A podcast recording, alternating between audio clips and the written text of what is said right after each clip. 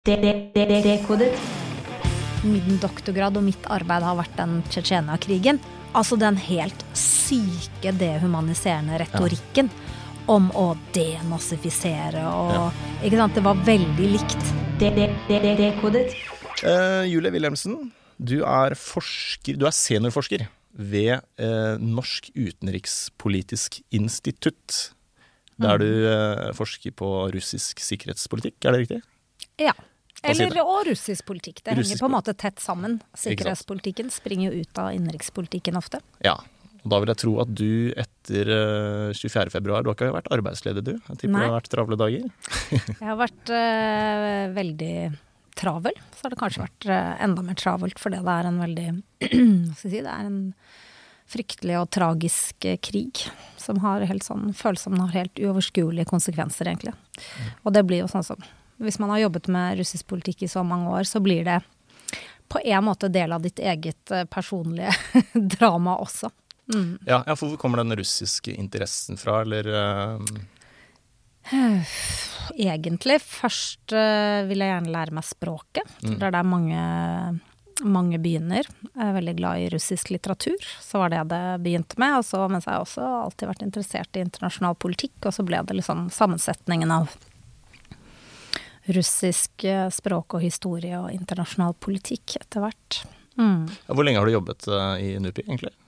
Eh, jeg var på NUPI som studentstipendiat allerede for Er det da 23 år siden, Ja, kanskje. ja. Og så hadde jeg, fikk jeg barn og forskjellige jobbet en kort periode på Forsvarets forskningsinstitutt. Og så har jeg vært på NUPI siden 2003 nå. Ja, Så trives som forsker, da.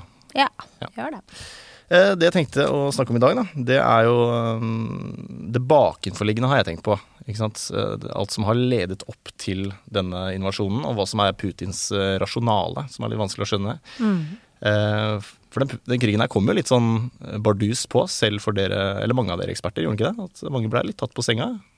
Eller noen ble det, kanskje? Eh, ja, det spørs liksom på hvilket nivå du snakker om. Eh, eh, den fulle invasjonen eh, tok de fleste på senga, selv om folk later som de ikke, ikke blir overrasket. Eh, fordi den var så hasardiøs. Eh, og det er veldig mye stygt å si om Putin-regimet. Men stort sett så har Putin vært villig til å ta risiko, men veldig kalkulert risiko. Mens det som skjedde med den fulle invasjonen og målet om å få til et regimeskifte i, i Kiev, det, det, er så, det er så veldig urealistisk. Det er en gigantisk stat. Det er Ukraina. Uh, ja.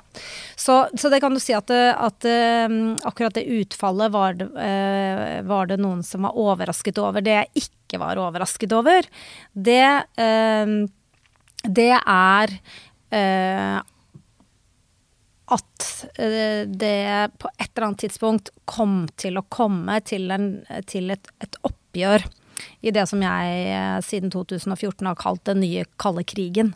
Fordi at slik Moskva har eh, fremstilt det, så oppfatter de og ser de seg som å være i krig med, med Vesten. Um, og den spenningen i den relasjonen har vært økende siden 2014.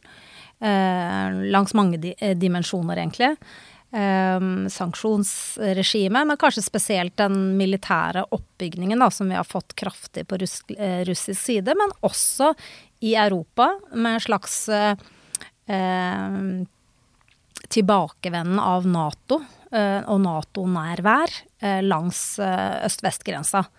Um, sånn at det er en spenning som har bygget seg oppover, og vi kan kanskje komme tilbake til akkurat hva som skjer i det siste året før, det, før eh, Russland invaderer. Men det er en spenning som, som jeg har gått og vært urolig for. Når detroniseres den spenningen? Når smeller det? For jeg er veldig, veldig klar over hvor Uh, altså Kreml har nærmest en slags konspirasjonsteori Ja. om hva Vesten er ute etter. Eh, mm. Ja, for Hva er det som har skapt den spenningen? Er det hvordan Putin har portrettert Vesten overfor sin egen befolkning, eller eh, Ja, altså øh,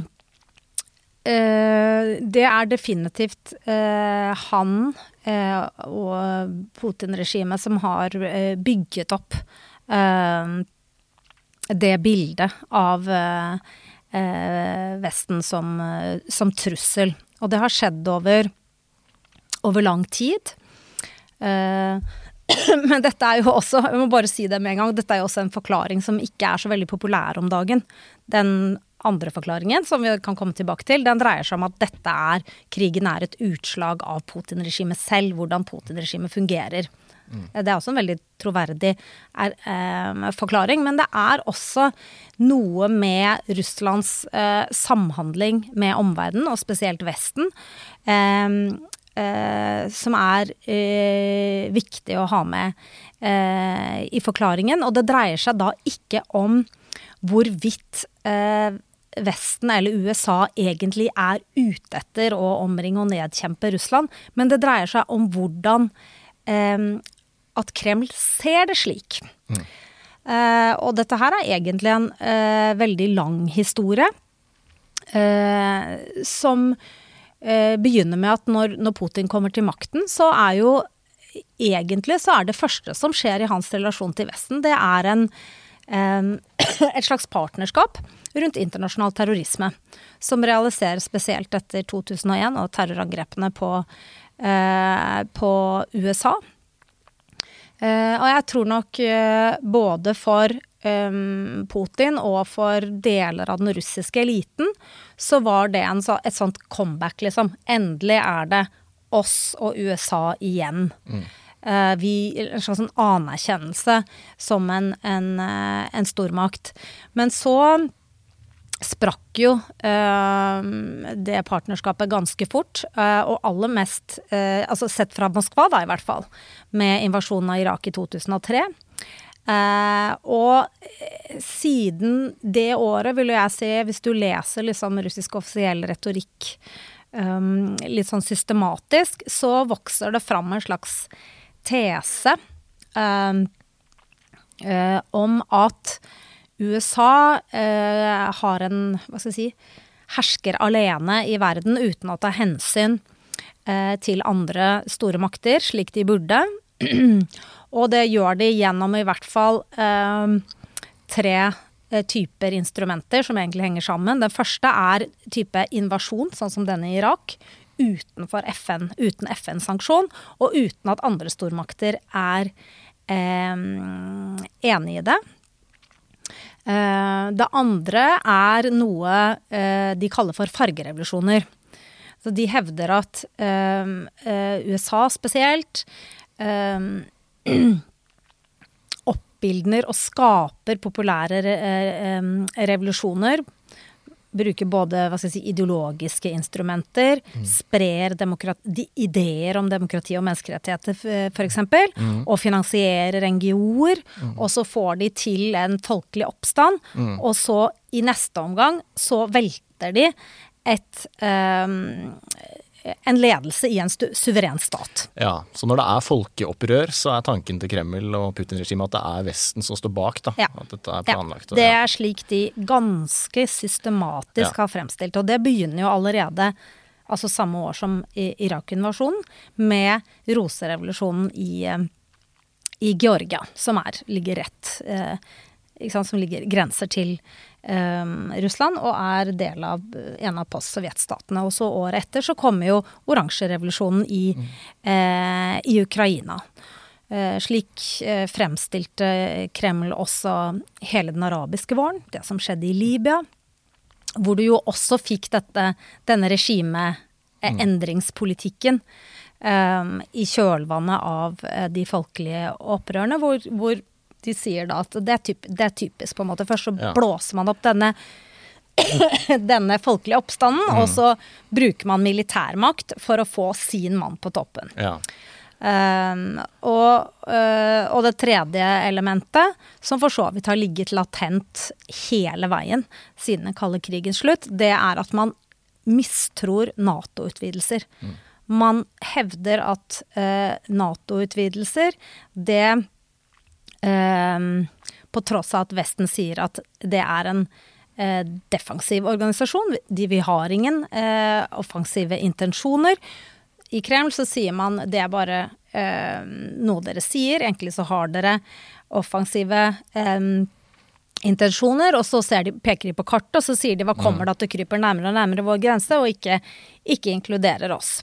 Så, eh, så kan du bare forestille deg da, med dette litt paranoide blikket som vokser frem etter hvert, og som jo, det må huske på, eh, eh, eh, Moskva eh, har jo et enormt eh, propagandaapparat, så det er, det er ganske systematisk. Man kan, denne fortellingen eh, kan gjenfortelles veldig systematisk, spesielt på russiske TV-medier. Så når du da kommer opp til eh, Maidan-protestene i, eh, i 2013-2014, eh, så er det selvfølgelig disse ganske paranoide brillene Kreml leser dette gjennom. Eh, så det er et, et folkelig opprør som er nøret opp under fra Vestens side. Du kan få et regimeskifte. Eh, hvor Vestens mann kommer på toppen, og de, dette kaller jo de et kupp. Det har de gjort helt konsekvent. Og så ser de for seg nå kommer Nato-medlemskapet. Nå mister de Svartehavsflåten. Og i tillegg så skal man virkelig ikke undervurdere, eh, tror jeg, den effekten det hadde at eh, mm, dette opprøret oppsto i Kiev, selvfølgelig. Og at eh, Putin så for seg en direkte parallell til det han selv kunne uh, stå overfor i Moskvas eh, uh, gater. Tror du Kreml tror på dette selv, eller forsøker de å skape et falskt narrativ? Um, Um, jeg tror det er veldig vanskelig altså, For det første så vet jeg ikke. Og dette er et spørsmål som folk sier eh, vel, Altså, folk som ikke studerer eh, Russland, men holder på med internasjonal politikk, de sier alltid det. Ja, men de tror ikke på det. Og da må jeg bare svare at det vet jeg ikke. Men det er veldig eh, eh, Det er mer sannsynlig at de opplever å se på dette som en trussel, enn at de ikke gjør det. Én fordi at sånn eh, er det hos de Altså i de fleste stater. Eh, hva skal vi Altså skal vi tenke da f.eks. om Russland? Eh, tror vi ikke at eh, Russland potensielt er en trussel mot Norge? Tror vi det, eller er det bare noe vi sier? At Russland kan komme til å på en måte ekspandere i alle, alle himmelretninger. Og, og det, er jo, det er jo nettopp det at man, et samfunn sier det hele tiden, og har eh, en historisk parallell å trekke på.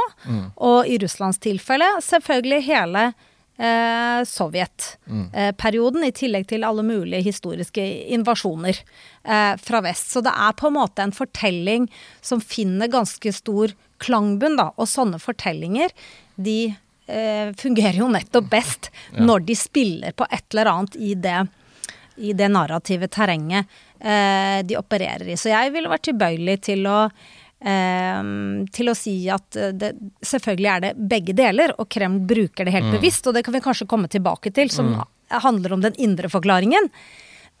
Men å tro at, eh, at de overhodet ikke eh, forholder seg til dette som en trussel, det, det, det tror jeg er naivt. Og det er også i forhold til, hvis du ser på andre store stater, så er det klart at dette Kreml-regimet sitter på ryggen til den russiske staten. Og alle store stater har en sensitivitet eh, og er obs på hva trusler i sitt nærområde for å beskytte seg. Det er jo en, det er jo en konstruert størrelse, på en måte.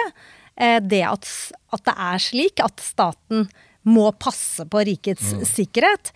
Men Eh, men vår forestillingsverden er jo den type konstruerte Ja. eh, eh, størrelser. Og det er nok også eh, lederne i Kreml, hva skal jeg si, offer for, da. Mm. eh, sin egen propaganda, tror jeg. Hva tror du om den russiske befolkningen generelt? da? Kjøper de eh, fortellingen til eh, Kreml? Eh, Eller er befolkningen litt delt?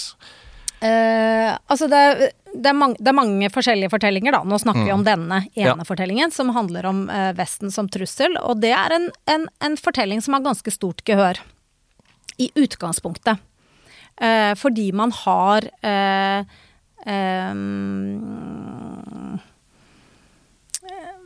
store rester av den skepsisen mot, mot Vesten fra den kalde krigens dager. Eh, akkurat som vi har det. Eh, ikke sant? Du, kan, vi, hvis du legger merke til Nå begynner vi å sette mm. likhetstegn mellom Sovjetunionen og Russland. Det er, liksom, det er mm. samme størrelse for oss. Og sånn fungerer det jo også på russisk side. Så i utgangspunktet så er det en, en fortelling som, eh, som har lett for å få eh, eh gehør. Og, så, og, spesielt når den da eh, stadig vekk kan valideres da, gjennom måten eh, eh, USA agerer i verdenspolitikken på, eh, fremstilles. Mm. Ikke sant? Så skjer dette i, i, Irak. Da er det jo ikke sånn at det som skjer Altså krigen i Irak er jo ikke eh, informasjon om den. Det er jo ikke noe som gir seg selv. Det er jo det er jo eh, journalister og et helt apparat som fremstiller mm. og fortolker den eh, hendelsen, mm. og sier 'hva var det som skjedde', hvorfor intervenerte eh, USA, osv. Eh, så det er klart at hver gang det dukker opp en, en, sånn hendelse, og man kan si at 'ja, se der, det var det vi sa', USAs alenegang i verden. De utenfor folkeretten, så går de til angrep. De ljuger til og med. Ja, så, så, så, du kan på en måte validere fortellingen, ja, da. Ved å peke på nye hendelser og fremstille dem i den rammen du alt har bestemt deg for. Men i tillegg til dette gigantiske propagandaapparatet, så har du vel hatt frie medier også i Russland, i hvert fall tidligere, som har sett på sånne ting med litt mer kritiske briller? Eller? Eh, jo, absolutt. Eh, Altså det som øh, øh, har vært mangelvare øh, fra rett etter Tsjetsjenia-krigen, som jo var noe av det første Putin gjorde da han kom til, til makten, det har vært riksdekkende TV-kanaler. for i årene på begynnelsen av rett etter 2000 så tok man Altså man, man, man, fikk bukt med alle store riksdekkende TV-kanaler til dels gjennom å fjerne de oligarkene som, som eide dem. Som eide store egne medieimperier på 90-tallet. Um, ehm, men så har du hatt, eh, siden den gang, eh, både uavhengige radiostasjoner, eh, aviser og selvfølgelig etter hvert nettsider. Masse eh, eh, gode, uavhengige nettsider, men skille Altså det, det, store skillet her er egentlig da Putin-regimet selv sto overfor demonstrasjoner i 2011 og 2012. Da eh, Og det var jo første gang, for eh, Putin-regimet har jo vært enormt populært i mm. Russland, egentlig og ikke opplevd protester i gatene. Eh, ikke vært tegn til noen fargerevolusjon før i 2011 og 2012. Og etter det så, så, skjer det mye, men en av de tingene som skjer, er at det blir eh, Du får de første fremmedagentlovene mm. eh, som rammer uavhengige NGO-er og en del eh, medier, og gjør det rett og slett veldig vanskelig for dem å operere.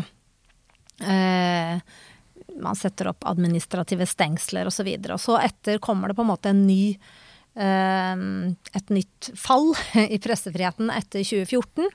Eh, eh, hvor det blir mer, en mer direkte sensur mm. Eh, på ting. Og så eh, har det jo vært eh, mange år nå hvor uavhengige medier virkelig har kjempet for å overleve, og noen av de viktigste nettavisene f.eks., sånn som Medosa, Eh, de flyttet jo ut av mm. Russland eh, allerede i jeg husker ikke 2014 eller 2015. Mens andre, eh, sånn som Nova Gazeta, som fikk Nobels eh, fredspris, de har fortsatt å klare å eh, eh, i Russland. Og mm, ja. Så det, så det, er liksom Det er det som er vanskelig å, å få med seg. Ja. Men det er liksom mange utviklingstrinn, og gjerne ganske sånn komplisert eh, også eh, ja. bilde å fremstille, da. At det både er en autoritær dreining, men at likevel så har det vært mye uh, rom og mm. mange mm. aktører som allikevel har klart å navigere i Putins Russland ja. for å opprettholde um, ja, sin, sin, uavhengighet og, for, og, gi en annen type uh, informasjon. Sånn at det altså skillet nå med utbruddet av krigen 24. februar er jo uh, at nå gikk, nå gikk de svart. Ja, nå Nå er det liksom Og det er jo en tragedie. Nå er det virkelig, Nova Gazeta, for eksempel, er ikke Ja. eh, Publiserer ikke. Nei, det fins ikke frie medier i Russland i dag. Nei, det, det kan vi ikke si. I hvert fall ikke ja, Det fins fremdeles eh, noen ihuga som forsøker å bruke de smutthullene eh, som fins, og som da lar være å dekke krigen i Ukraina. Eh, Fordi de dekker Mm. i utgangspunktet andre ting. F.eks. En, en, en uavhengig, et uavhengig nettsted som dekker bare Kaukasus. Eh, Så, eh, så de prøver å på en måte bite seg fast, og, og så dekker de krigen kanskje litt indirekte hvis det kommer? De kan dekke f.eks. hvordan folk fra soldater fra Nord-Kaukasus som er drept, kommer tilbake, og hva som skjer rundt begravelsen av den soldaten i f.eks. Dagestan, som er en liten republikk i, i Nord-Kaukasus, og sånn får de belyst det litt. Men, men eh, ja, så, så det er noen som prøver å, eh, å bite seg fast, og selv så tror jeg det er veldig, veldig viktig, selv om det er veldig modig, og sannsynligvis ganske håpløst, så er det et paradoks eh, at alle, eh, nesten alle de andre russiske mediene enn akkurat disse to, da, Nova Gazeta, som jo er lagt ned, men som det er mange journalister som fremdeles er i Russland, um, og, og denne um, Caucasian Not, denne regionale avisen, um, de fleste andre har faktisk forlatt redaksjonen, er i Baltikum, eller altså utenfor Russlands grenser. Og nå som alt stenges, og, og det blir så vanskelig å få aksess, så er det klart at for fremtiden så er det et problem. Fordi at de mister fotfeste Ja. i Russland. Og, og etter mitt skjønn, da, så er dette det aller viktigste. Det er ikke hvordan vi her på vestlig side dekker eh, Russland på uavhengig vis. Det er hvordan eh, russiske uavhengige journalister eh, selv eh, dekker det på sin måte fra, fra sitt land. Ja. Men er det mye å be om hvis de er livredde for å miste friheten sin og bli satt i fengsel? Det er veldig, veldig mye å be om, og det er ingen som kan eh, eh, be dem om det. Men det man kanskje kan la være å gjøre, som jeg har hørt at folk gjør, det er å kritisere dem for å forsøke å bli. Mm. Eh, fordi at eh, da er du Det blir liksom den der logikken Er du ikke med oss, så er du imot oss. Og man avkrever på en måte Mm. eh, at folk skal eh, ytre seg med å forlate landet. Eh, og det eh, det, det syns ikke jeg er riktig. Jeg tenker at det er eh, utrolig viktig. Hvis de er villige til å ta den risikoen, og den er veldig, veldig høy. Altså, de står i fare for å bli eh, fengslet. Eh, eh, hvis de er villige til det, tenker jeg at det er eh, viktig, da. Men er det ikke litt sånn der Putin har operert hele veien? At når han møter motstand, så er språket han prater er maktutøvelse, vold og sensur og strengere lover? Har ikke det vært gjennomgangsmelodien i hele hans herskerperiode, for å si det sånn? Eh, jo, det kan du si, men det er ikke noe Det blir feil å si at uh, at, at uh, Russland har vært en utpreget politistat fra eh, Putin kom til makten. Mm. For det har det ikke vært behov for. eh, som jeg sa, så, så var, eh, har Putin vært enormt eh, populær som, eh, som eh, president. Eh, og altså, hvis, hvis, du, eh, hvis du tar enkelthendelser, så kan du si at med krigen i Tsjetsjenia, som uh, han var instrumentell i å begynne, alt da han var statsminister i 1999 Du kan si at allerede da så viste han sitt sanne ansikt. For det er under påskudd av at det var en eh, antiterroroperasjon, så var det en eh, hva skal jeg si, total og brutal krig mot et bitte lite territorium som eh, han ville skulle være del av russiske, eh, den russiske føderasjonen, nemlig, nemlig Tsjetsjenia. Og i hele hans behandling av, av separatistene og Tsjetsjenia-problemet, så eh, var det aldri noe rom for eh, forhandling eller kompromiss.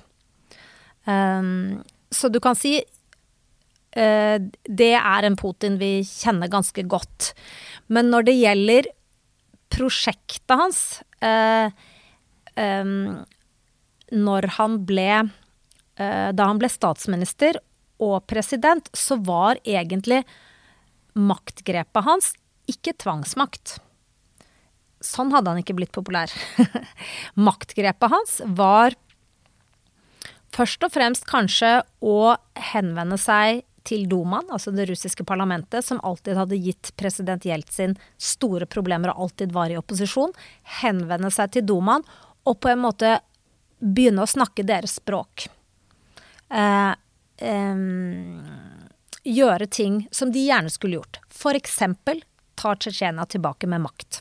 Revansj for den krigen man tapte i 19, 1996.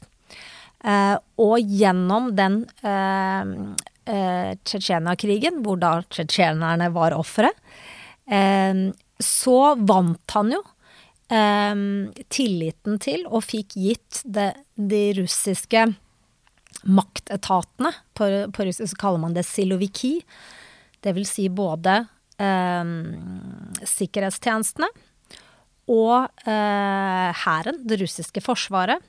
Man, han eh, på en måte gjennomførte deres agenda, det de ønsket seg, og vant deres eh, tillit. Eh, så var jo Putins prosjekt i begynnelsen å eh, skape orden i Russland. Eh, og deler av det eh, ble jo oppfattet veldig positivt hos store deler av den russiske befolkning. For det 90-tallet var så kaotisk. Det var tiåret etter at Sovjetunionen brøt sammen. Det var enorme økonomiske problemer. Folk hadde ikke eh, smør på brødet. Eh, eh, og eh, Putin-ledelsen På det tidspunktet så var det jo også sånn at eh, økonomiske reformatorer sto sterkt eh, i den russiske ledelsen og hadde gehør og fikk gjennomføre f.eks. en skattereform som var veldig vellykket.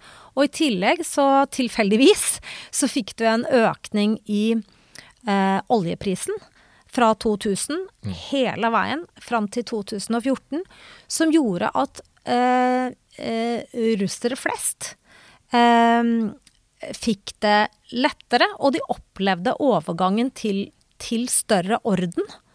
Eh, og strømlinjeforming. Og det, var en, det er jo en maktinnstramning. Det er helt eksplisitt uttalt som det. Putins prosjekt er fra begynnelsen av å opprette det han kalte maktvertikalen i, i Russland. Så det er den klassiske eh, å skape orden i kaos. Eh, både eh, eh, uttrykker han og snakker han som om han gjør det, og han leverer altså disse, disse ulike tingene til sentrale grupper, da. I, i, I Russland, enten det er befolkningen eller Dumaen. I Dumaen sitter kommunistene og nasjonalistene, stort sett. Det er de to store partiene. Um, og, og overfor disse maktetatene. Eh, som jo lå med brukket rygg etter Sovjet, Sovjetunionens eh, fall. ikke sant? Og Gorbatsjov for eksempel, han hadde jo delt opp KGB i, i, i masse små, mindre enheter, helt bevisst for å knekke deres makt. Det Putin gjør, er jo å gi dem deler av dette tilbake. Ja. Så, det er, eh, så det er på en måte eh, feil å si at det primært er tvangsmakten hans eh, maktposisjon henger på. Ja. Men fra, eh, fra eh, 2011 da, og 2012, når Putin for første gang, eller Putin og Medvedev, som da var president, står overfor eh, demonstrasjoner i ja, en, gruppe, en veldig viktig gruppe til, som vi ikke nevnte, det er selvfølgelig de russiske oligarkene. Eh, som står veldig sterkt på 90-tallet. Og dem På en måte så kan du si at øh, øh, Putin utfordrer oligarkenes makt, for han sier dere får ikke blande dere i politikken lenger. Dere får ikke liksom betale kampanjer for uavhengige partier osv. Men samtidig så får jo en del oligarker forsvinner ut, drar eh, til Europa. Mens eh, eh, mange oligarker blir jo værende, får beholde sin formue Ja. mot at de er politisk eh, Ja, lojale. Men, ja, men poenget var i hvert fall at eh, tvangsmakten eh, begynner virkelig å hva skal jeg si, gjøre seg gjeldende egentlig først etter de demonstrasjonene i 2011 og 2012. Riktig. Eh, men dette prosjektet til Putin som er å skape orden, som du sier, vil du si at Putin er en slags sånn nostalgiker som drømmer tilbake til eh, før Sovjetunionens fall? Er det det han vil gjenskape? Er det hans overordnede store eh, prosjekt, eller er det feil? Ja, jeg, jeg syns det er men, men det blir sånn igjen, ikke sant. Jeg følger med over år fra dag til dag. Jeg syns det er en helt feil fremstilling av For det første så er det ikke sånn at politiske ledere eller regimer er statiske størrelser. De eh, Så du kan si at et klart prosjekt har vært maktinnstramningen. Det har ligget der fra begynnelsen av. Eh, Men så har prosjektet og ambisjonene forandret seg. Den første ambisjonen var jo helt klart at eh, den russiske føderasjons grenser skulle sikres. Det var krigen i Tsjetsjenia. Det var det man opp, oppnådde. Tsjetsjenia var den eneste delrepublikken inne i Russland som eh, var separatistisk, som ønsket å løsrive seg. Det ble gjort med den krigen. Og så, etter hvert som man eh, fikk en bedre økonomi, eh, så eh, eh, fikk man større ambisjoner om å ha innflytelse i post-Sovjet-området. Men hva den, hvordan den innflytelsen skulle utøves, ville jo eh, jeg si var eh, mer et slags eh, bruke, br bruke pressmidler, f.eks. energivåpenet. Dette at man kan på en måte skru av krana pga. rørledningssystemet som ligger der fra Sovjetunionens dager, og som, som Russland kan kontrollere.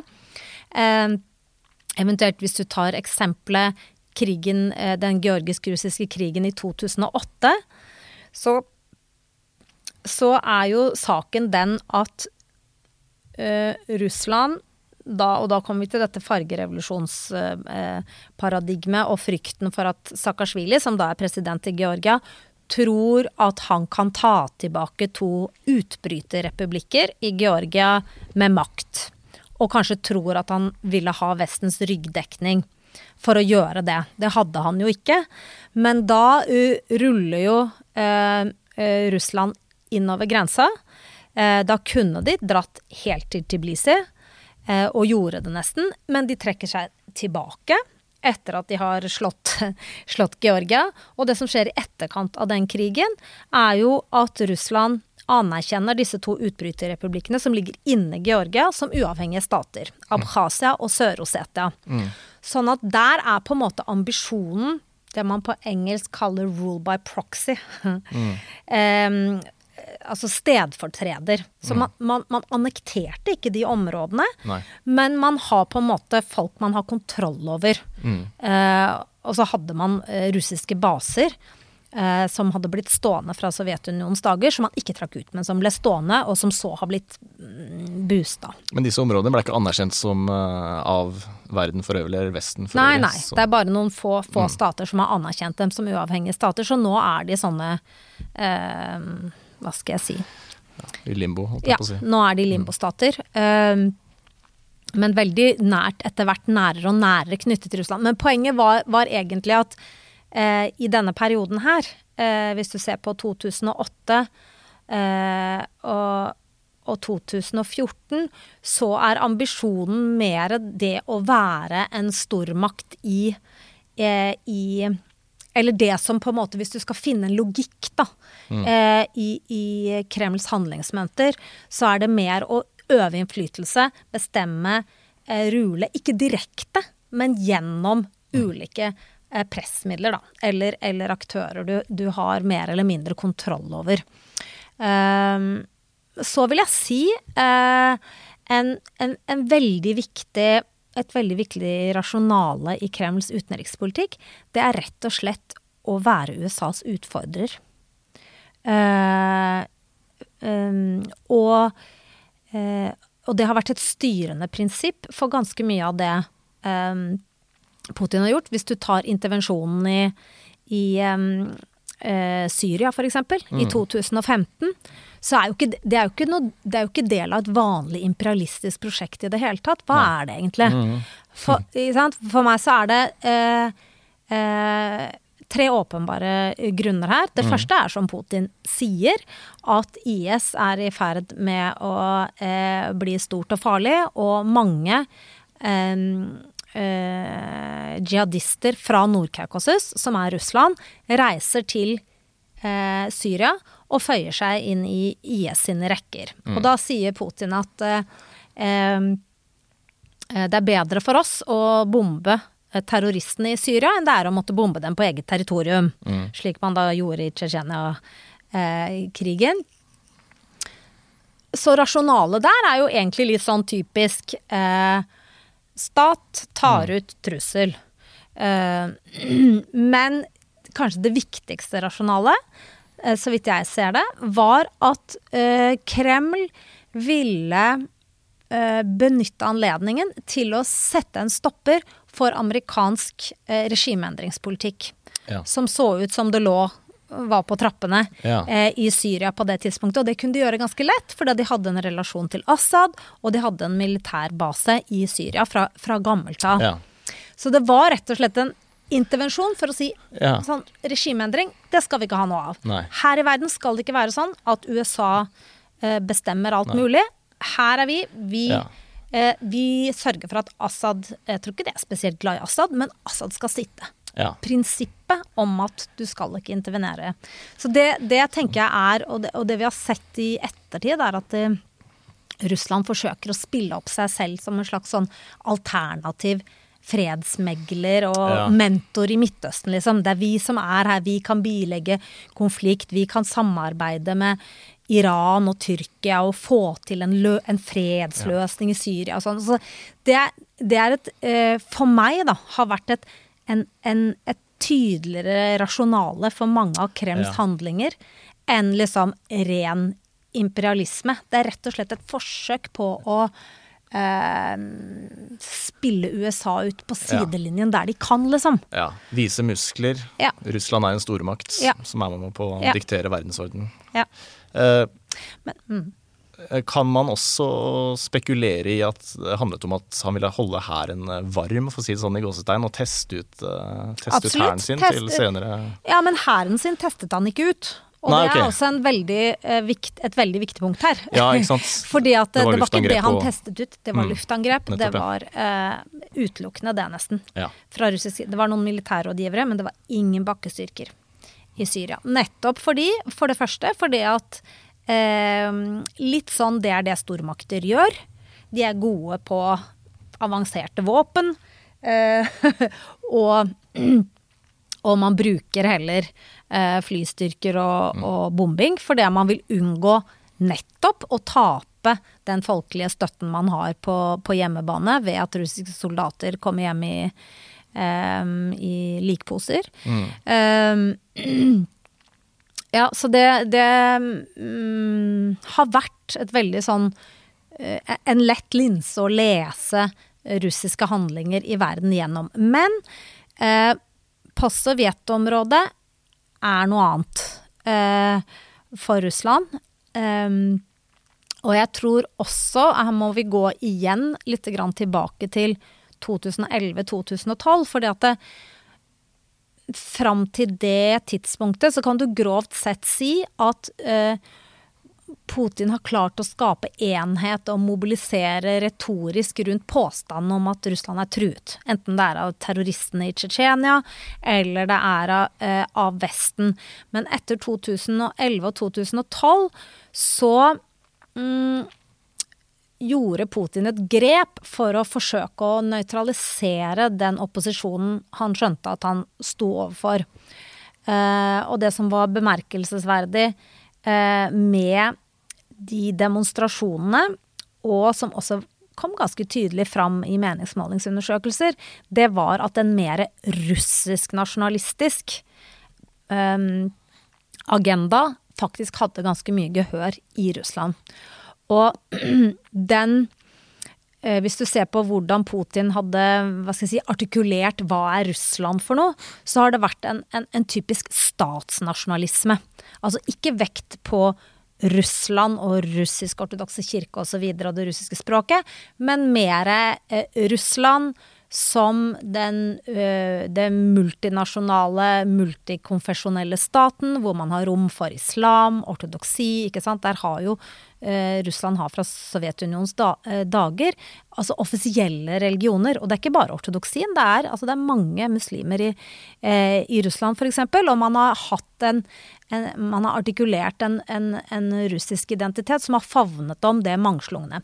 Men etter etter disse demonstrasjonene dukket opp, og det løser det helt klart ut av Putins tale eh, ved inngangen til eh, 2012, så begynner han plutselig å snakke mye mer som en russisk nasjonalist. Og det er jo et, det sier litt om han, hvem han er som spiller, hvordan han har klart, som jeg forsøkte å beskrive, å kooptere ulike grupper. Da koopterer han den russisk-nasjonalistiske agendaen på veldig snedig vis. Plutselig så er det Eh, så, så, er det russiske språk hevet opp som tross alt et, eh, et viktigere språk enn andre språk.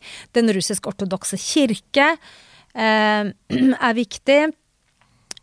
og så er det samtidig en slags så det, det, er et sivilisasjonsprosjekt som man plutselig begynner å tegne i positive, mm. uh, i positive former. Så det er ikke lenger bare 'hvem er mot oss', men det er et forsøk på å si 'hvem er vi'? Ja. Og hva er innholdet i vår identitet? Og da er det plutselig noe mye mer uh, uh, nasjonalistisk. Og det er også en slags sånn motsats til det hyperliberale Vesten. Mm. Så det er liksom Vi tar vare på tradisjonelle verdier. Mm. Familien er viktig, alle denne type. Uh, og så kom jo Sotsji-OL, hvor han virkelig ja, fikk vist fram eh, Russland til resten av verden. Ja, jo, absolutt. Veldig viktig. Fikk vist fram Russland som noe annet, som en mm. annen uh, annen sivilisasjon. Og i hele det engasjementet og den retoriske dreiningen, da, mot uh, russisk nasjonalisme, så ser du jo, hvis vi da kommer opp til 2014 og, og opprøret på Maidan og den russiske eh, intervensjonen i Øst-Ukraina og eh, annekteringen av Krim, da er det jo bemerkelsesverdig hvordan dette nasjonalistiske tankegodset løftes frem i hans taler. Da snakker han om Nova Razia, han snakker om å beskytte den russiskspråklige befolkningen, eh, osv. Og, og det er kanskje hvis man skal I hvert fall for egen del, da. Hvis jeg skal eh, eh Et av de områdene jeg, jeg føler at jeg har, jeg har tenkt feil, mm. det er at eh, jeg så det som et veldig instrumentelt grep. Skjønner du? Mm. Putin har alltid vært veldig en, en uh, instrumentell spiller. Uh, og ja, nå frir han til eh, nasjonalistene. Nå gjør han dette, liksom, bruker anledningen. Og det var jo det man fikk. Man fikk jo den såkalte Krim-effekten. Det ble jo voldsomt populært i, mm. i Russland, ikke sant, å liksom veive med denne nasjonalistiske fanen. Og så så jeg bare rett etterpå, f.eks., for eksempel, i forbindelse med intervensjonen i Syria, så var den nasjonalistiske tonet ned igjen. Mm. For det var ikke så nyttig når du skal intervenere i Syria. Da er det bedre å snakke om det multikonfesjonelle og hvordan mm. Russland på en måte kan islam, i motsetning ja. til det, uh, USA kan. Men det er klart, når vi kommer opp til i år, da, og um, utbruddet av krigen uh, uh, Så følte jeg i hvert fall at jeg har kanskje underkjent i hvor stor grad eh, det nasjonalistiske eh, prosjektet eh, og den russisk-ortodokse eh, kirkes maktbehov eh, har blitt styrende for Kremls eh, politikk. Eh, og nå er det liksom tonet eh, ned igjen. Eh, og jeg hører allerede faktisk at en del av de russiske nasjonalistene eh, som Putin spilte veldig opp til i 2014, og som så etterpå kritiserte Putin sterkt for å ha sviktet prosjektet. At han ikke gjennomførte og gjenopprettet Nova Erosia, da, som er dette området i Donbass, på en måte, som har dette historiske okay. navnet. At det er akkurat det er, det er litt det samme som skjer nå. At en del russiske nasjonalister begynner å bli urolig for at mm, Putin ikke skal gjennomføre okay. eh, dette eh, rent liksom, kan du si, imperialistiske prosjektet som de nå føler at han målbar, og som han burde gjennomføre. Um, Hva er tegn på at han ikke ikke gjør det. Nei, altså, nei, det er ikke noe tegn på at han Ja, du kan jo si det er litt, det er litt sånn forsøk på en sånn? Først var Kiev veldig viktig, Mm, og det, liksom, ja, det blir snakket om at Kiev er den russiske statens fødested. At det den, altså for den russisk-ortodokse kirke så er det et veldig viktig område osv. Alt dette her da, som ble lagt stor vekt på eh, i begynnelsen. Nå har man på en måte trukket seg litt og sagt at nei, nei, men målet vårt var egentlig bare Donbass. Ja. Ikke sant? Og Eh, endret retorikken? ja, man har endret, eh, man har endret retorikken. Eh, og mm, ja, og, Så da er det interessant å merke seg at noen av disse nasjonalistene igjen begynner å uttrykke en slags misnøye eh, eh, med Putin. Men poenget mitt var iallfall at hva, hva er det Putin egentlig vil? Hva er det som er målet hans? Eh, Etter mitt skjønn så er det ofte forskjellige, forskjellige mål til forskjellige eh, tider. Og det har litt med denne innenrikspolitiske dynamikken Ja. å gjøre. At han, at han spiller opp og, og koopterer ulike eh, agendaer for å holde på, på sin makt. Eh, og så ender han da opp med Og det, det, har, det har jo fungert veldig godt for han, kan du si. Men det er klart at det er også en, en, en sårbarhet i det. Fordi at når du spiller opp til én gruppe, så skuffer du en annen. ja, det er det. Og han sitter på en måte der som den ultimate maktmegleren mellom disse ulike gruppene. Og når sprekker det? Eh, og du kan jo si at resultatet av denne krigen eh, og kostnadene av den eh, viser seg jo allerede er enorme. Så det gjør jo at det er noen grupper inni her Ja. som eh, Både noen som må straffes, Ja. eh, og noen som kommer til å føle at nå har det gått så langt i å tekkes, f.eks. nasjonalistene. Eh, at eh, at eh, vi, vi vil ikke være med lenger. Nå har de jo ikke så store muligheter for å, for å forlate, da, for de er på en måte gjensidig avhengige. Ok, jeg tror jeg skjønner. Ja, Mm. Så han har hele tiden vært opptatt av å forsterke, konsentrere makten, konsolidere makten, holde på makten. Og, um, og vært opportunistisk da underveis. Mm. Ja, jeg syns det. Ja. Jeg syns han har vært en veldig opportunistisk spiller. Men som sagt, akkurat når jeg hørte den talen et par dager før eh, invasjonen, så tenker jeg oi, eh, nå er han ikke helt den samme lenger.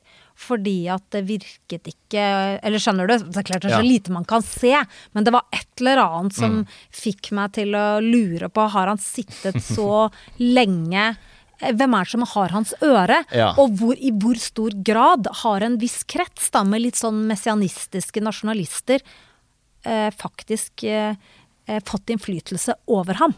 Slik at det er det som Ja, er hans Hvem er det Putin må svare til, nærmest? ja, ikke sant? ja, ikke sant? Hvem, hvem, Det er interessant. Ja. Mm. Ja, for det var noe i øyet hans, den der talen der.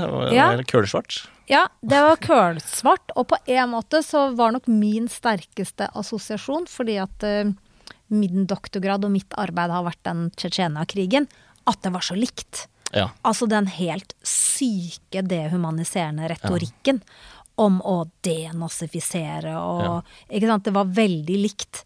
Eh, dette med at vi skal utslette internasjonal terrorisme i verden ved å Ikke sant. Med, Gjennom operasjonen i Tsjetsjenia. Så det var Det var for så vidt en en, eh, en gjenkjennelig side av Putin. Men samtidig så, så var det nettopp dette spørsmålet hva, hva skjer da med en sånn statsleder som har sittet i så mange år, og som har sittet, det vet vi jo, relativt isolert eh, under covid, av frykt for å bli syk, sannsynligvis.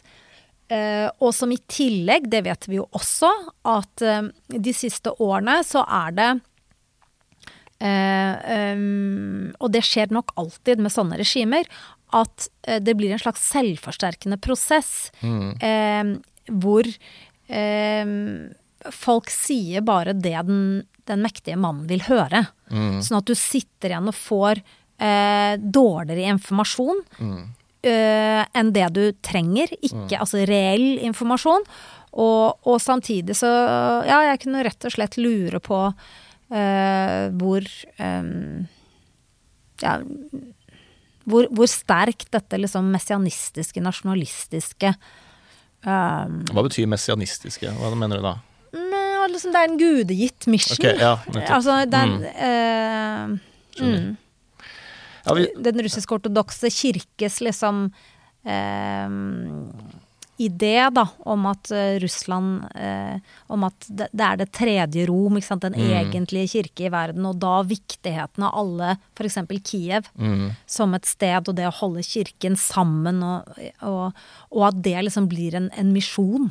Ja. Hadde blitt en misjon for, uh, for Putin.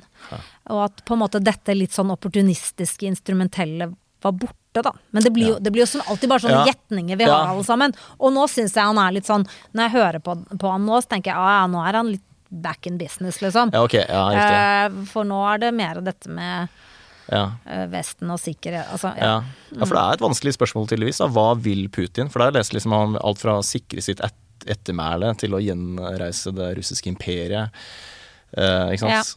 Det blir Ja. kanskje veldig for enkelt, da, men uh... Ja, og så er det et eller annet med at øh, Og sånn må det jo være når man skal formidle ting enkelt. Det Mm. blir veldig sånn uh, Putin-fokusert. Mm. Og det er klart at han er jo veldig viktig, nettopp fordi han er denne øverste ja. maktmegleren som alle prøver å tekke. Så han er på en måte garantøren for dette enormt korrupte systemet. Eh, eh, som alle nyter godt av, Mm. på en måte. Men samtidig så så kan du egentlig ikke forklare noe eller for, eh, med russisk politikk veldig godt hvis ikke du skjønner hvordan han som aktør spiller på alle disse ulike kreftene ja. eh, og maktbastionene i det russiske eh, samfunnet, syns jeg, da. Det er, Ja. det er der du må se, Ja, liksom, for å skjønne Ja. hvor trekkene kommer fra. Det er veldig interessant. Det, var nytt for meg. Mm.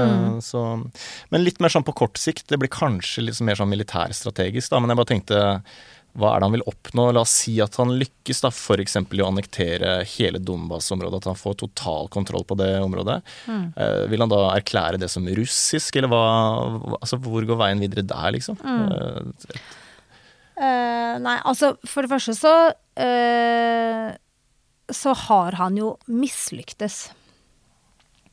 Uh, i, I utgangspunktet. mm, Hvis vi, hvis vi lener oss mer på den, hva skal jeg si, den indre regimeorienterte forklaringen som går på at Putin etter hvert, for å holde på makten, er nødt til å projisere disse ytre fiendebildene og levere en eller annen seier mm, til en opinion som han selv har skapt. Mm. Skjønner du hva jeg Mm. mener? Ja, ja. Han har på en måte eh, eh, For å kooptere eh, denne interne agendaen eh, Nei, denne interne opposisjonen som oppsto for, for ti år siden, så har han brukt deres eh, deres paroler og på en måte legitimert og, og skapt nå en kjempe eh, hauset opp en, en, en, en, en kjempetrussel og et kjempescenario der eh, eh, Russland er truet, og det er livsviktig at eh, man klarer å slå tilbake eh, mot Vesten og, og, og forsvare eh, eh, Donbas. Eh, og det er jo da Altså det publikummet han har da for denne, dette scenarioet her, det må han jo nå levere til. Um, men han har jo samtidig Han har jo tapt i utgangspunktet. Fordi han har måttet ta ned hele meningsrommet i Russland Ja. og innføre eh, eh, opptil 15 år i fengsel for de som våger å omtale dette som det det faktisk er. Som er en en, en total krig Ja. mot broderfolket. Mm. Så, så på en måte så kan du si at uh, det han holder på med nå, det er å eventuelt redde stumpene. Mm. Uh, uh, I form da av en seier som han må tilby en opinion som han selv har skapt. Mm.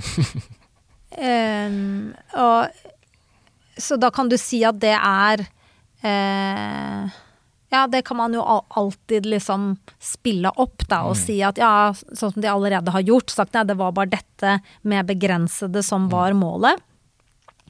Å få kontroll og hjelpe den russiskspråklige eh, befolkningen i, eh, i Donbass og, og beholde, mm, beholde Krim.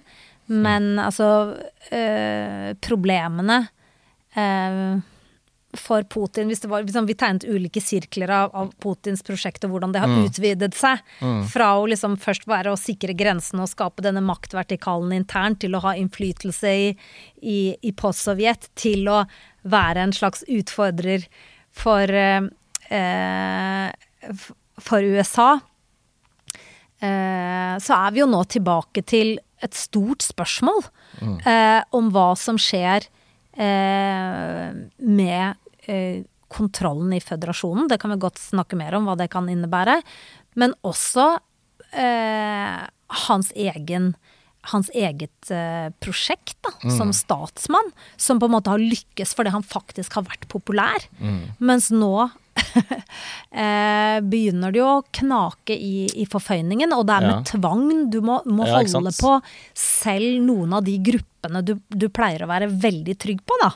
Ikke sant? Ja, det er akkurat det. Ja. Men er, eh, er maktsenteret i Kreml nå et vaklende korthus som kan rase, eller er makten så konsentrert at de på en måte er uangripelige nærmest uansett? Er befolkningen så kua at det er vanskelig for dem å gjøre opprør?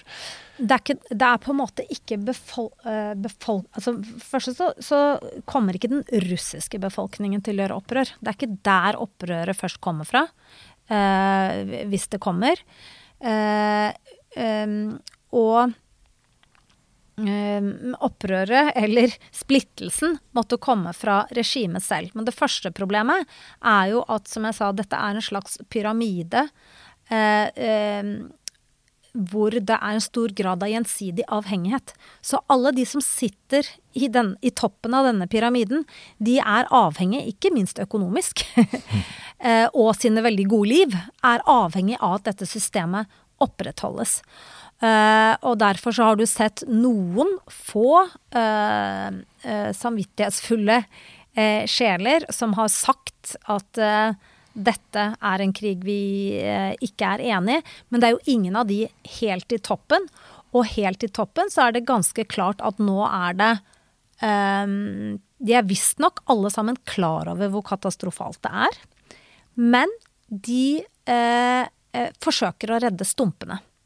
Så de på en måte forsøker å følge opp eh, eh, for eksempel det som nå er strategien, nemlig å gjøre Russland så selvhjulpent som mulig i møte med sanksjonsregimet.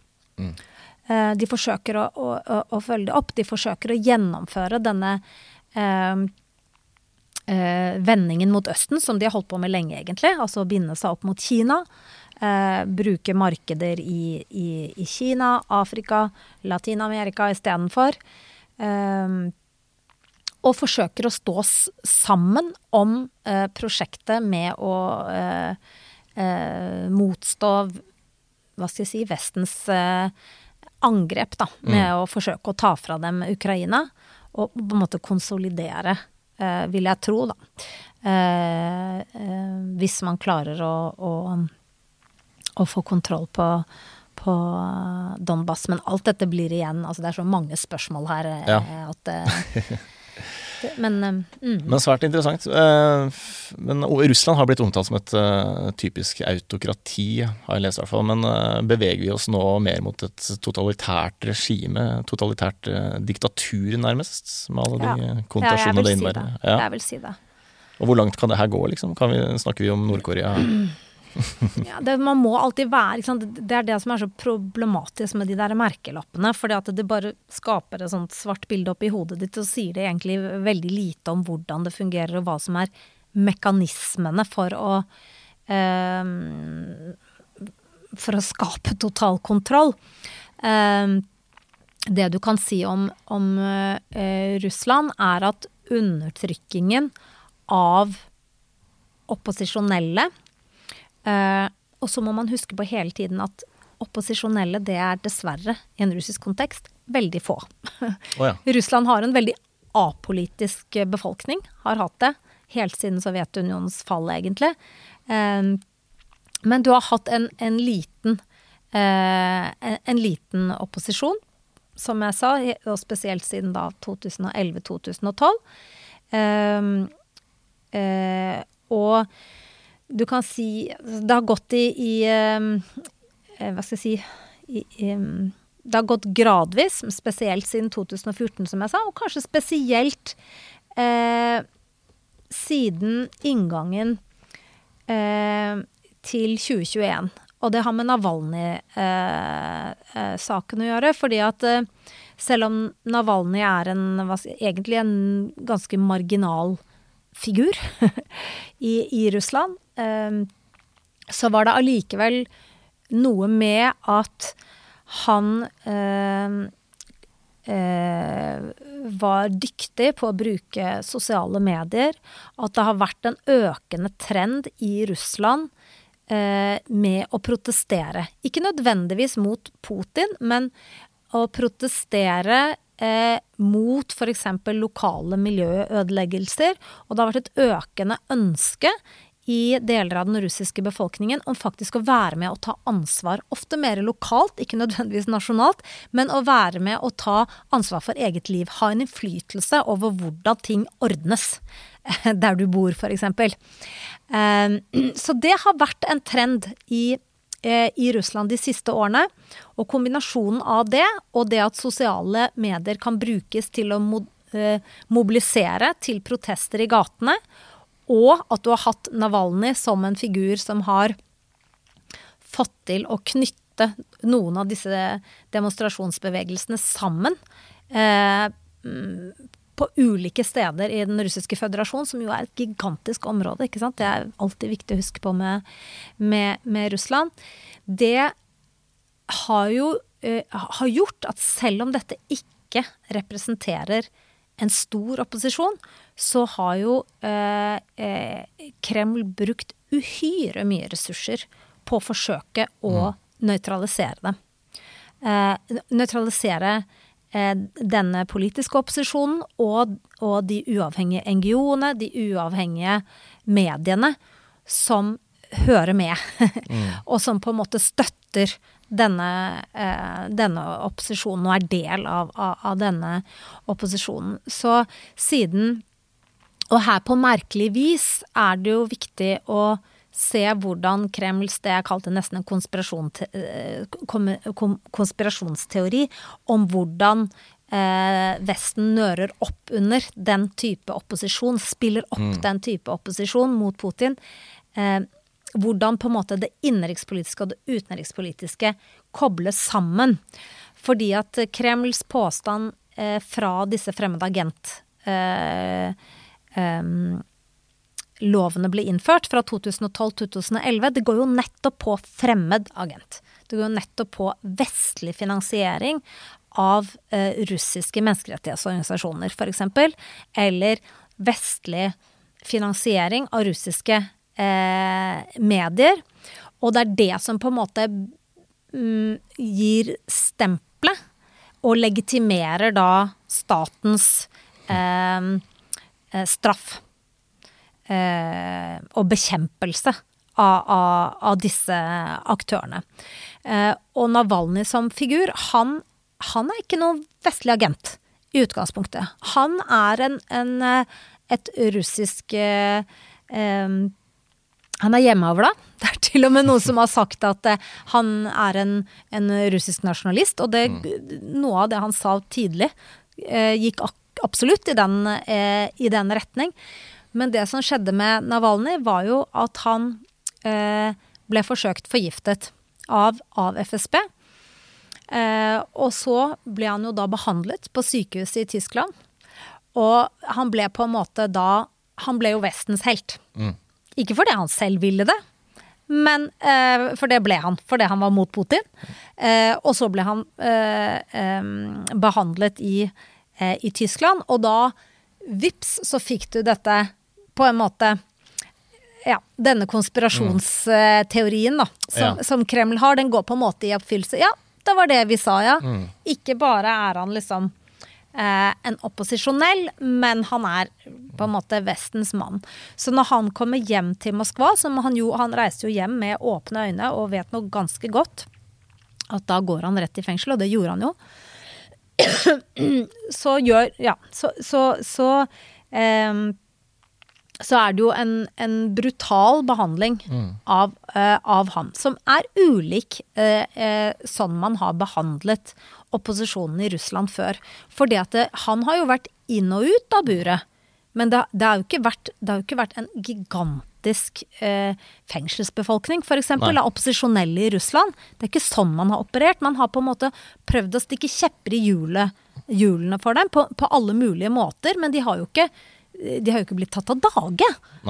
Det, det er jo, hvis vi skal begynne å lage, altså snakke om grader av represjon, da. Men siden eh, eh, Navalny havnet i fengsel, og jeg tror en viktig faktor her å huske på også, er de voldsomme demonstrasjonene. Eh, fredelige demonstrasjonene, men veldig, veldig store, som gikk for seg i Minsk. Eh, altså i Hviterussland, i nabostaten. Mange hundre tusen mennesker som demonstrerte mot eh, Lukasjenko, ikke sant, i, i, i 2000, den høsten. Så det er klart at Kremls frykt, selv om opposisjonen alltid har vært liten, eh, så har nok de sett for seg ok, Navalny eh, returnerer, og den type protester, liksom. Eh, kan det, skjønner du, kan det Ja, ja. trigges? Så si, siden det året, da, siden 2021, så har, har de egentlig slått ned med veldig hard hånd. Og da har de gått på eh, ja, demonstrasjoner for Navalny, eksempel. Eh, man har begynt å å forfølge og arrestere advokater som forsøker å hjelpe, og har hjulpet, de opposisjonelle. Eh, mye mer direkte også på, på journalister. Så dette begynte Altså det veldig repressive, da. Eh, mer autoritære, mye mer sånn politistatslignende. Det begynner egentlig før eh, invasjonen av eh, Ukraina 24. Eh, februar i år. Men etter 24. februar så er det jo så, så er vi over i en helt, Helt annen. fase, vil jeg si. ja. jeg vil si da, da, da er det eh, em, en slags unntakstilstand, og det er, det er full sensur, Mm. Ja, på en måte. Det er full sensur, og det er eh, noe som jeg syns er veldig skremmende, da, og som har vært grunnen til hvorfor jeg har vært kritisk når folk liksom sier er dette Sovjetunionen, er det totalitært? For det har ikke vært det. Du, kan ikke, du, du kan ikke sammenligne Putins Russland Har ikke kunnet sammenligne Putins Russland med Stalin. Stalin-tida. Eh, men eh, Du har ikke kunnet. du har ikke kunnet det. Men det var det som var eh, skremmende med å treffe kolleger i Tiblisi i mars. Da traff jeg en del russiske kolleger som da kommer ut til Tiblisi fordi at det er visumfritt. Så dit kan de reise. Det var historiene om angiveri. Uh, som er en sånn ting man husker veldig godt fra, fra sovjethistorien. Og hvordan det systemet med angiveri, altså hvordan du klarte å få millioner på millioner av mennesker eh, skape et, et fryktregime der de angir sine naboer, altså Ja, familiemedlemmer. nå begynner det å høres ut som Nord-Korea, ja. Ikke sant? For selv å slippe unna. Og jeg sier ikke at vi er der. og jeg vet, og, og vet, det er jo problemet nå også, at vi får mye mindre informasjon om hva som skjer. Det har ikke vært noe vanskelig å få informasjon om hva som skjer i Russland. Men akkurat de historiene Jeg gikk inn i auditoriet eh, og eh, eh, fortalte studentene mine eh, om at dette var en krig, og hvordan ting egentlig hang sammen. Og da møtte jeg en, eh, en, en vegg av kommentarer som fikk meg til å forstå at studentene mine kan komme til å angi meg. Oi. Ikke sant? En sånn type i, historie, det mm, Ja, det syns jeg er veldig urovekkende, da. At det er nå en sånn eh, Ja, hvis du ikke er for oss, så er du imot oss, og et, Ja. et press om aktivt å gå ut og si at du støtter krig, eller militæroperasjonen, da, som man må kalle det i Russland i dag. Um, og at eh, du har mobilisert befolkningen, og også unge mennesker, da, eh, for denne saken og denne ideen om at Russland er truet i den grad at man begynner å angi hverandre. Det, Ja, det er en skremmende. det jeg ja, Utvikling. ja. Det er en skremmende utvikling. Ja, når du sa i stad at det kommer ikke, noe, kommer ikke til å bli noe folkeopprør. Nå handler det kanskje om at det er ingen som tør lenger, da. Ikke sant? Eh, For det får enorme konsekvenser. Men eh, kan det også handle om det du sa i stad om at befolkningen generelt er, har vært apolitiske? Ja, det, det, det, gjør det definitivt. Og at de er eh, store deler, i hvert fall, er nok mer glad i den orden og forutsigbarheten Mm. som en sterk leder representerer. Mm. Eh, enn og frykter. Og her tror jeg faktisk at, at russ, mange russere har gjennomlevd 90-tallet. Mm. er veldig viktig. For det det det var nok for mange en opplevelse av kaos som Mm. de ikke vil tilbake til. Og det er derfor det, det er også på en måte del av forklaringen på hvorfor mange har syns at Putin er en legitim leder. For han er jo en, han er jo en hva skal jeg si, en antirevolusjonær leder. Er det ett ord som er slagord for han, så er det jo stabilitet. Mm. Stabilitet. Um, og det Ja. Det tror jeg er noe Ja. mange russere eh, ønsker. Men så har jeg også lyst til å legge til at uh, akkurat nå så er det veldig, veldig vanskelig å vite uh, hva russere egentlig tenker. Mm. Og eh, jeg er ganske sikker på at sannheten om denne eh, brødrekrigen, som den er, eh, kommer til å, å treffe russere. Og av alle på en måte Putins ulike fortellinger, så, så tror jeg ikke at folk oppfatter dette som en legitim krig. Nei. Eh, alle, alle russere jeg har snakket med, nå er det jo selvfølgelig en spesiell kategori russere jeg, jeg treffer og samarbeider med, men det første eh, de uttrykker er jo skam. Mm. Skam.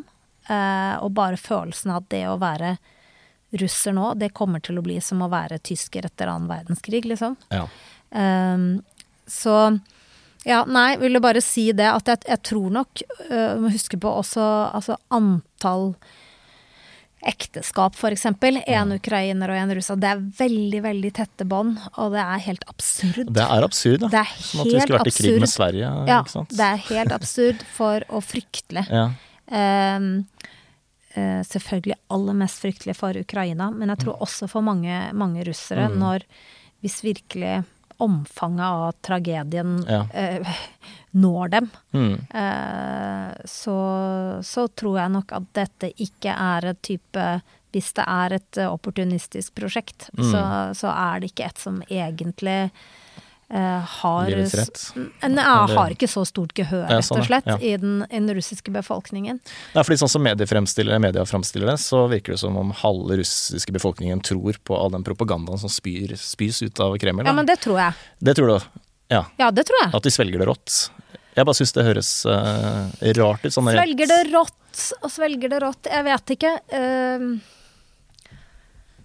ja, jeg tror, jeg tror hvis vi bare skal holde oss til det um, Hva skal jeg si de, de, Det empiriske belegget, da. Så er det nok sånn at uh, russere som bor i Norge og ringer hjem og snakker med bestemor, Mm. de, får, de føler at uh, de lever i et parallelt univers. Okay. Og det er jo ikke, det er jo ikke fordi bestemor finner på Altså det er jo for Nei.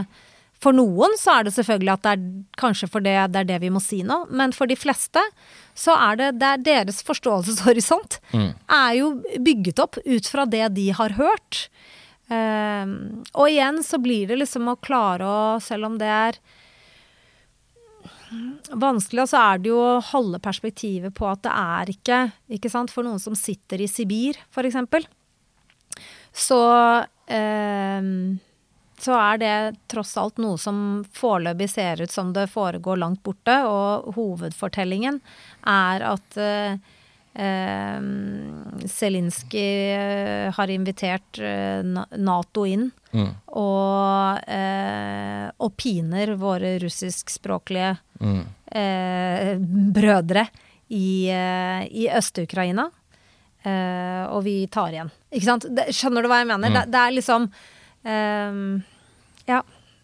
Spørsmålet er ja, både uh, hvor viktig er den informasjonen for dem, og i forhold til andre ting som er viktige. F.eks. at livet bare fortsetter sånn noenlunde i samme spor som det pleier å, uh, å, å fortsette. Og, um, og har de på en måte Er det sånn at folk flest er utrustet med et kritisk eh, syn på den informasjonen de får? Mm. Og der syns jeg av og til vi er litt naive også. Okay, ja. Fordi at eh, Hvordan forholder vi oss selv til det vi leser i avisen? Mm. Hvor kommer våre virkelighetsoppfatninger fra? Mm, det er et godt poeng. um, mm. um hm. Helt til slutt, har du noen tanker om Putins uh, syke? For vi snakka litt i stad om at uh, du så en forandring hos Putin. Det var en annen Putin. Ehm, Og så har det vært spekulert i om han rett og slett har blitt I hvert fall tidligere, da, i, mm. akkurat når han invaderte. Har han blitt gæren, liksom? Har han mista det? Eller er han en iskald, kalkulert leder som har planlagt dette i lang, lang tid? Eller er sannheten et sted midt imellom? Eh, Jeg tror ikke, som sagt, jeg tror ikke han har planlagt dette i lang, lang tid. Men jeg tror at han, eh, som alle mennesker, eh, eh, blir maktkorrumpert. Mm. Definitivt. Eh, og jeg tror at han er på en måte Dette er hele hans liv og hans store Hva skal jeg si Bragd som Russlands leder, som jo nå ender i eh, tap. Mm. Eh, og eh, sannsynligvis så skjønner han det. Så vi har å gjøre med en eh, leder som må være ganske desperat. Desperat, ja. Så blandingen av maktsyke og Ja. desperat altså, Men Ja. jeg tror ikke han har altså eh, Om han har blitt gal, det, Ja. det tror jeg ikke. Nei, det er en litt vag diagnose, kanskje. Ja. Men, eh, Eller skjønner du? ja, jeg skjønner. det er- ikke sant? Men hvis han er fysisk syk i tillegg, da, hvis Ja, det skulle stemme med kreft, absolutt. og han føler at han har litt dårlig tid, kanskje, Ja, ikke sant? ja. på å sikre ettermæle, Ja. eller ja, Ja. et eller annet. Nei, det er mange, mange ting man nesten ikke orker å Ja, ja. tenke på. Nei. Mm. Dette her har vært en eh, utrolig lærerik time og 20 minutter. Jeg har jo bare lest VG-overskrifter, så det har vært deilig å få bli med litt under overflaten. ja. Nei, men vet du hva, tusen takk. Veldig bra. Veldig gøy å være med på.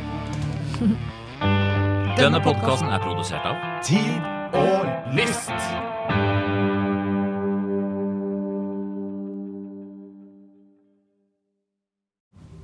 Noe av det som er så fint med podkast, det er jo at du kan høre på samtidig som du gjør noe annet. da Rydder i kjelleren eller boden, f.eks.